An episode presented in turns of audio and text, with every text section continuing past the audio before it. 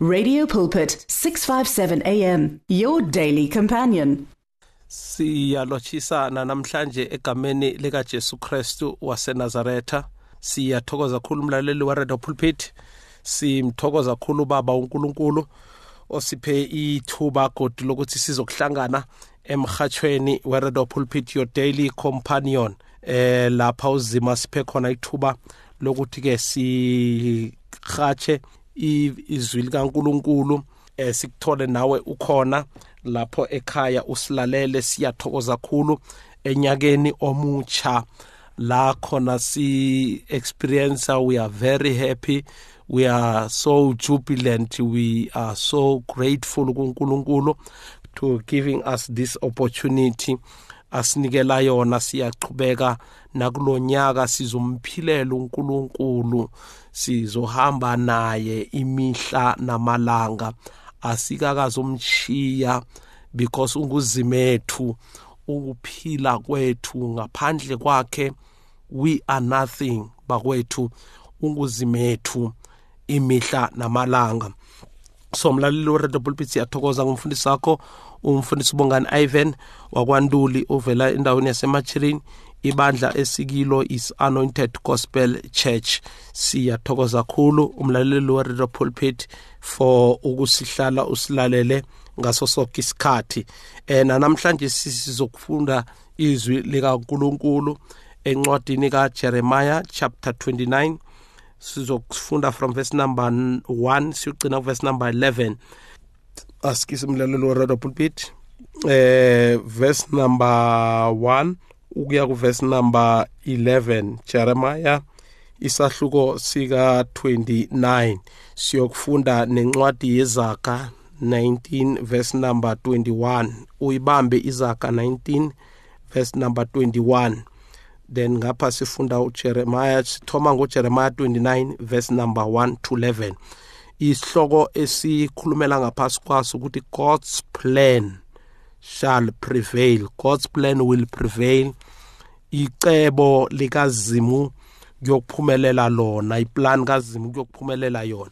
Manje siyayifunda ke ngesingisi ke la ifundeka ngalendlela now at now these are the words of the letter that Jeremiah the prophet sent from Jerusalem to remind to the remainder of the elders who were carried away captive to the priests, the prophets, and all the people whom Nebuchadnezzar had carried away captive from Jerusalem to Babylon. This happened after Jeconiah, the king, the queen mother, the eunuchs, the prince of the Judah and Jer- Jerusalem, the craftsmen and the smiths had departed from Jerusalem. The letter was sent by the hand of Elsa, the son of Shaphan, and Gemariah, the son of Hilkiah, whom Zedekiah, king of Judah, sent to Babylon to Nebuchadnezzar, king of Babylon, saying, Thus says the Lord God of Israel, to all who were carried away captive whom I have caused to be carried away from Jerusalem to Babylon, build houses and dwell in the in the in them, plant gardens, eat and the, eat their fruit, take wives, begot sons and daughters, and take wives for your sons, and give your daughters to husband, so that they may bear sons and daughters, that you may be you may be increased there and not diminished, and seek the peace of the city where I have caused you to be carried away captive. Pray for the Lord for pray to the Lord for it, for in its peace you will have peace. For thus says the Lord of hosts, the God of Israel, do not let your prophets and your de- diviners who are in your midst deceive you, nor listen to your dreams which you cause to, to, to which you cause to, to be dreamed. For they prophesy falsely in my name. I have not sent them, uh, says the Lord.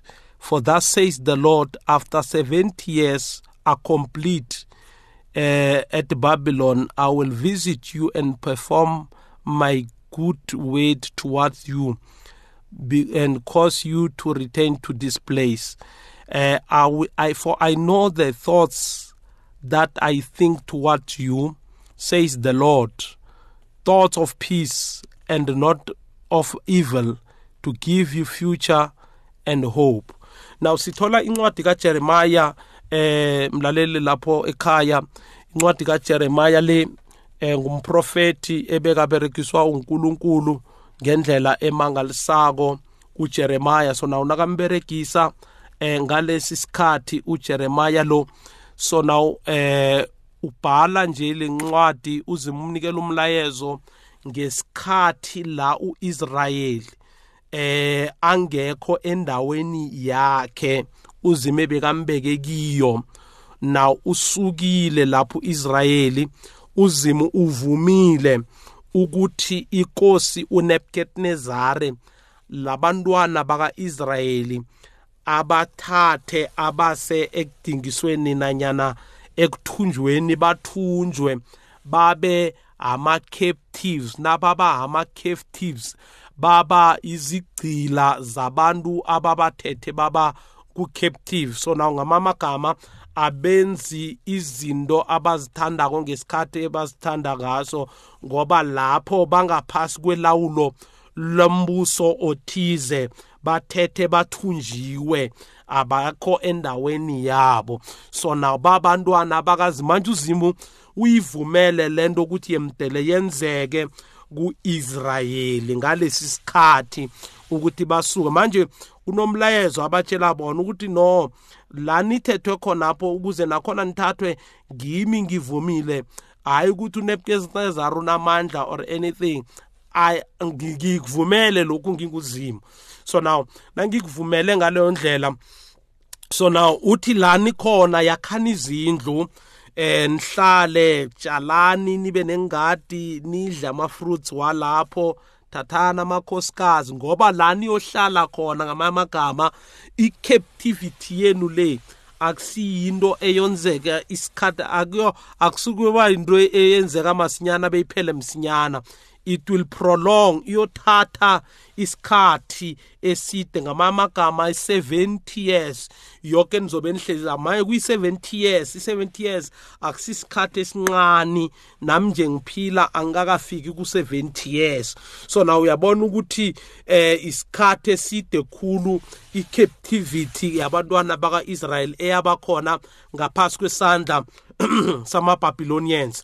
So namanje kunezimo uzimo asifaka kizo uthola ukuthi ke ziyaprolonga azithathi isikhathi esincane zithatha isikhathi eside kunguzimo afuna ukusikhombisa into ethize. So namanje uthintani lapho njengoba nizobe nilapho eh funani ukuthula kwaleyo ndawo. Eh, i have caused you to be carried away uh, captive and pray for the lord for it. Nithandaze kuzimu ukuthi le ndawo enikiyo into eningayithandazela ningathandazela ukuthi nikhitshwe ni thandazelani ukuthi nibe nokuthula. Though iBabylon inganayo into yokuthula mara ngifuna ukuthi nibe nokuthula phakathi kweBabylon last week sikhulume ngepeace of God that guards our heart uthi the peace of God yabona ipeace of God eh, that guards our heart in the midst endaweni la kungana peace khona let there be peace. Ithandazeleni. Uthi now pray for ukuthi le ndawo le ibe nokuthula ngoba ukuthula it's one thing uNkulunkulu abenazo is Jehovah Shama Shalom ne?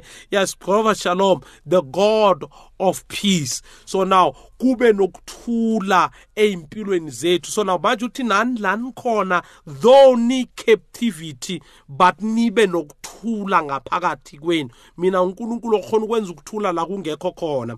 So now manje bahlezi lapho. So now nabahlezi lapho uthi na uNkulunkulu ningalalela abaprofeti abavukako ngaleso sikhathi ngoba kunabaprofeti bese bavuka bathi no uNkulunkulu uzonikhipha akeke kusaba 70 years eh uzonikhipha uzongikhipha nge-10 years or uzongikhipha nge-5 years or uzongikhipha nge-100 days. So now manje bese kubeni uthi ningabalaleli angakabathumi angakabatsheli that kind of a message. So now lapho you will serve isikhathi because uthi uphakathi kwento uNkulunkulu asakupheka afuna ukuthi ube yilento afuna ukuthi ube ngiyo bese kuba nabantu abafuna ukukhipha ungakavuthwa. Kanti ukuphuma kwakho lapho kufuna ukuthi kuphume uvuthiwe because as long njengoba uku captivity nje uNkulunkulu akasi stranded kunento ayiplanako again on the other side. So now manje la eh uNkulunkulu bekazama ukuthi ke baqede ithema abanikele yona then bafike ku maturity afuna ukuthi bafike kiyo. So now banga bypass iprocess bayilande njengoba injalo. Kufana noJesu nakaye esiphambanweni wazama wathi hey baba le lesitsha masidlule mara ngabe intando wami bekafuna ukubypass iprocess kanti izinto zikazimu siyazilanda uzima uyavuma ukuthi sidlule emlilweni kwesisikhathi sidlule emanzini sidlule ku-difficult situation. Vane sidlula vane singajami. Into ekulu ukuthi asikakajami siyadlula. So namanje nabadlula kulesi sikhathi kunabantu abafuna ukuthi into le iphele masinyana. So namanje uthi eh eh angizokuza mina after i-70 years ukubekile isikhathi ukuthi 70 years. Nakuvesi number 11 athi nginemiqabango emihle ngiyayazi imiqabango engicabanga ngani. For i know the thoughts i have i think towards you. Ngiyazi ukuthi ngicabangani ngani ngicabanga imicabango eh uthi says the lord name thoughts of peace nomcabango ukuthi nginikele ukuthula umcabango ukuthula umcabango ongasimumbi eh ukuthi nginikele i-future nethemba. So ngamamagama while nilapho i'm still thinking about you and ngicabangela ukuthi naniphuma la kudele kube nento e-right. So now ukuba phakathi kwethu kwama-situation esidlula kiwo wepilo. Isicolise mlalelo radio pulpit ama-situation esidlula kiwo wepilo. Sona unkulunkulu naye kune-plan and ekugcineni kuyophumelela iplan kaNkulunkulu ukuthi sibe sebumbini. We are not out of the plan of God. We are still in the plan of God.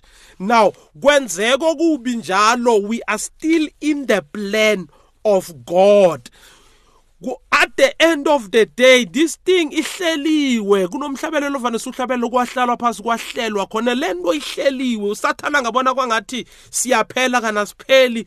This thing it is well orchestrated. uNkulunkulu uyihlelile lento uthi i know the thoughts i have for you bantwana bakaIsrael though nisebabylon nithunjiwe but i still think about you. I have good plans for you. I have good plans ngiyakutshela mlaleli weredio pulpit usele ulapha ekhaya ukuthi uNkulunkulu unemcabango omuhle ngawe. Kungenzeka ngosendaweni engasimnandi ku-working environment engasimnandi isikolweni akusimnandi izinto environment okiyo it's not good. God has kuleyo environment god has good plans for your life. Akazokuphelela ngaleyo. Plan leyo. Akazokuphelela ngobumbi lobo. God has good thoughts about your life. uNkulunkulu unamaplan amahle. In a situation okuyo cabanga baseBabylon basendaweni kaNebukadnezar labahlukunyezwa khona. Mara uNkulunkulu uthi i have good plans for you. You may be in a situation that is bad, but I have good plans for you. As you pray for the peace of the place, peace lapho, but as you pray I'll bring that peace. Now, good now nokuthula njalo nginama kusho ukuthi izinto zami zonke ziku-pipeline i am planning for you. I am planning for you ukuthi nakuphela le term yobubi kunento ehle ezako. Something good is coming. You may be in a bad situation but something is good. Kuyenzeka ukuthi lo nyaka esiwuthomako uza nobuhle. U-2023 udlulile wadlula nezinto ezimbi but now god was planning for your life. U-2023 god was planning ukuthi kunento ehle ezovela out of wena. So now kunevesi elikhona la uh, Proverbs number 19 verse number 21 athi there are many plans in a man's heart. Nevertheless the lord's counsel that will stand. Minengi imicabango engqondweni yomuntu. Mara kuyophumelela icebo likaNkuluNkulu kuyokuphumelela iplani kazimu. Ake ngifunde nge-NIV la ithi many are the plan in a man's heart but it is the Lord's purpose that prevail kuyophumelela injongo kaNkuluNkulu. Nathi njengoba sibabantu siyaplana izinto esiziplanako siziplanela ukuthi eh ngonyaka lo ngifuna ukuthi ngenze so ngonyaka njengoba unyaka uthoba we are busy planning we are busy planning. Mara ngikubuza ukuthi your plan is in line with the will of God now because nangabe ay iplan yakho is not in line with the plan of God about your life. Forget about your plan. Because iplan kaNkuluNkulu lisifundisa lokho izwi esilifundako namhlanje ukuthi manenga amaplan abantu esinawo. Mara egcineni kuyokuphumelela intando kaNkuluNkulu kuyokuphumelela iplan kaNkuluNkulu ngempilo yakho. Uthe ngale i know the plan the thoughts i have for your for your life. Nginemicabango emihle ngawe.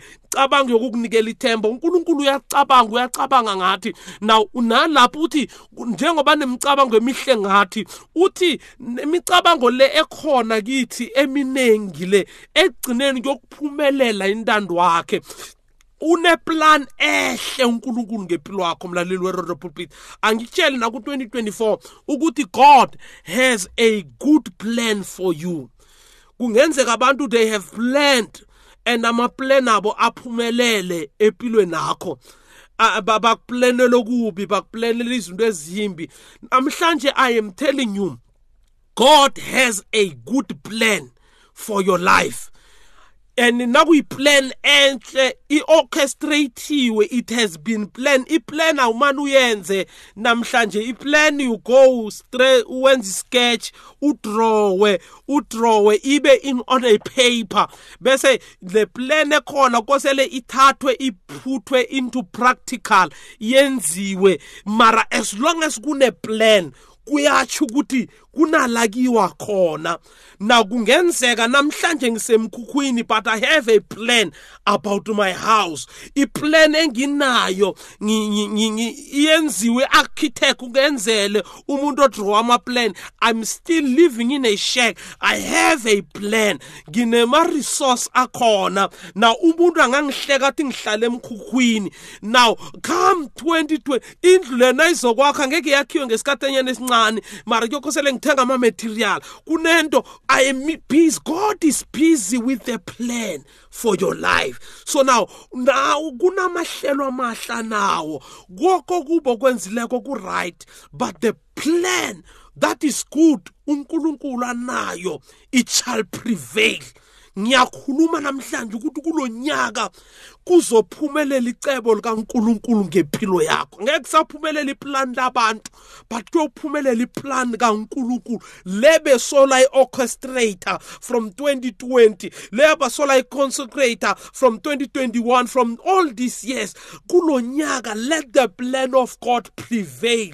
In your life in Jesus name. Father nangumlaleli ngiyamthandazela egameni lika Jesu Christu waseNazaretha. Whatever plans ezenziwe ngaye uNkulunkulu onamandla onke ezimbi siyazikhansela. Sithi baba kulonyaka let your plan prevail.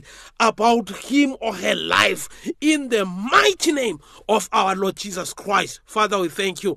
Amen. Nakama namba kamfundisi unduli 076 027 0799 076 027 0799 uNkulunkulu akakubusise in Jesus name.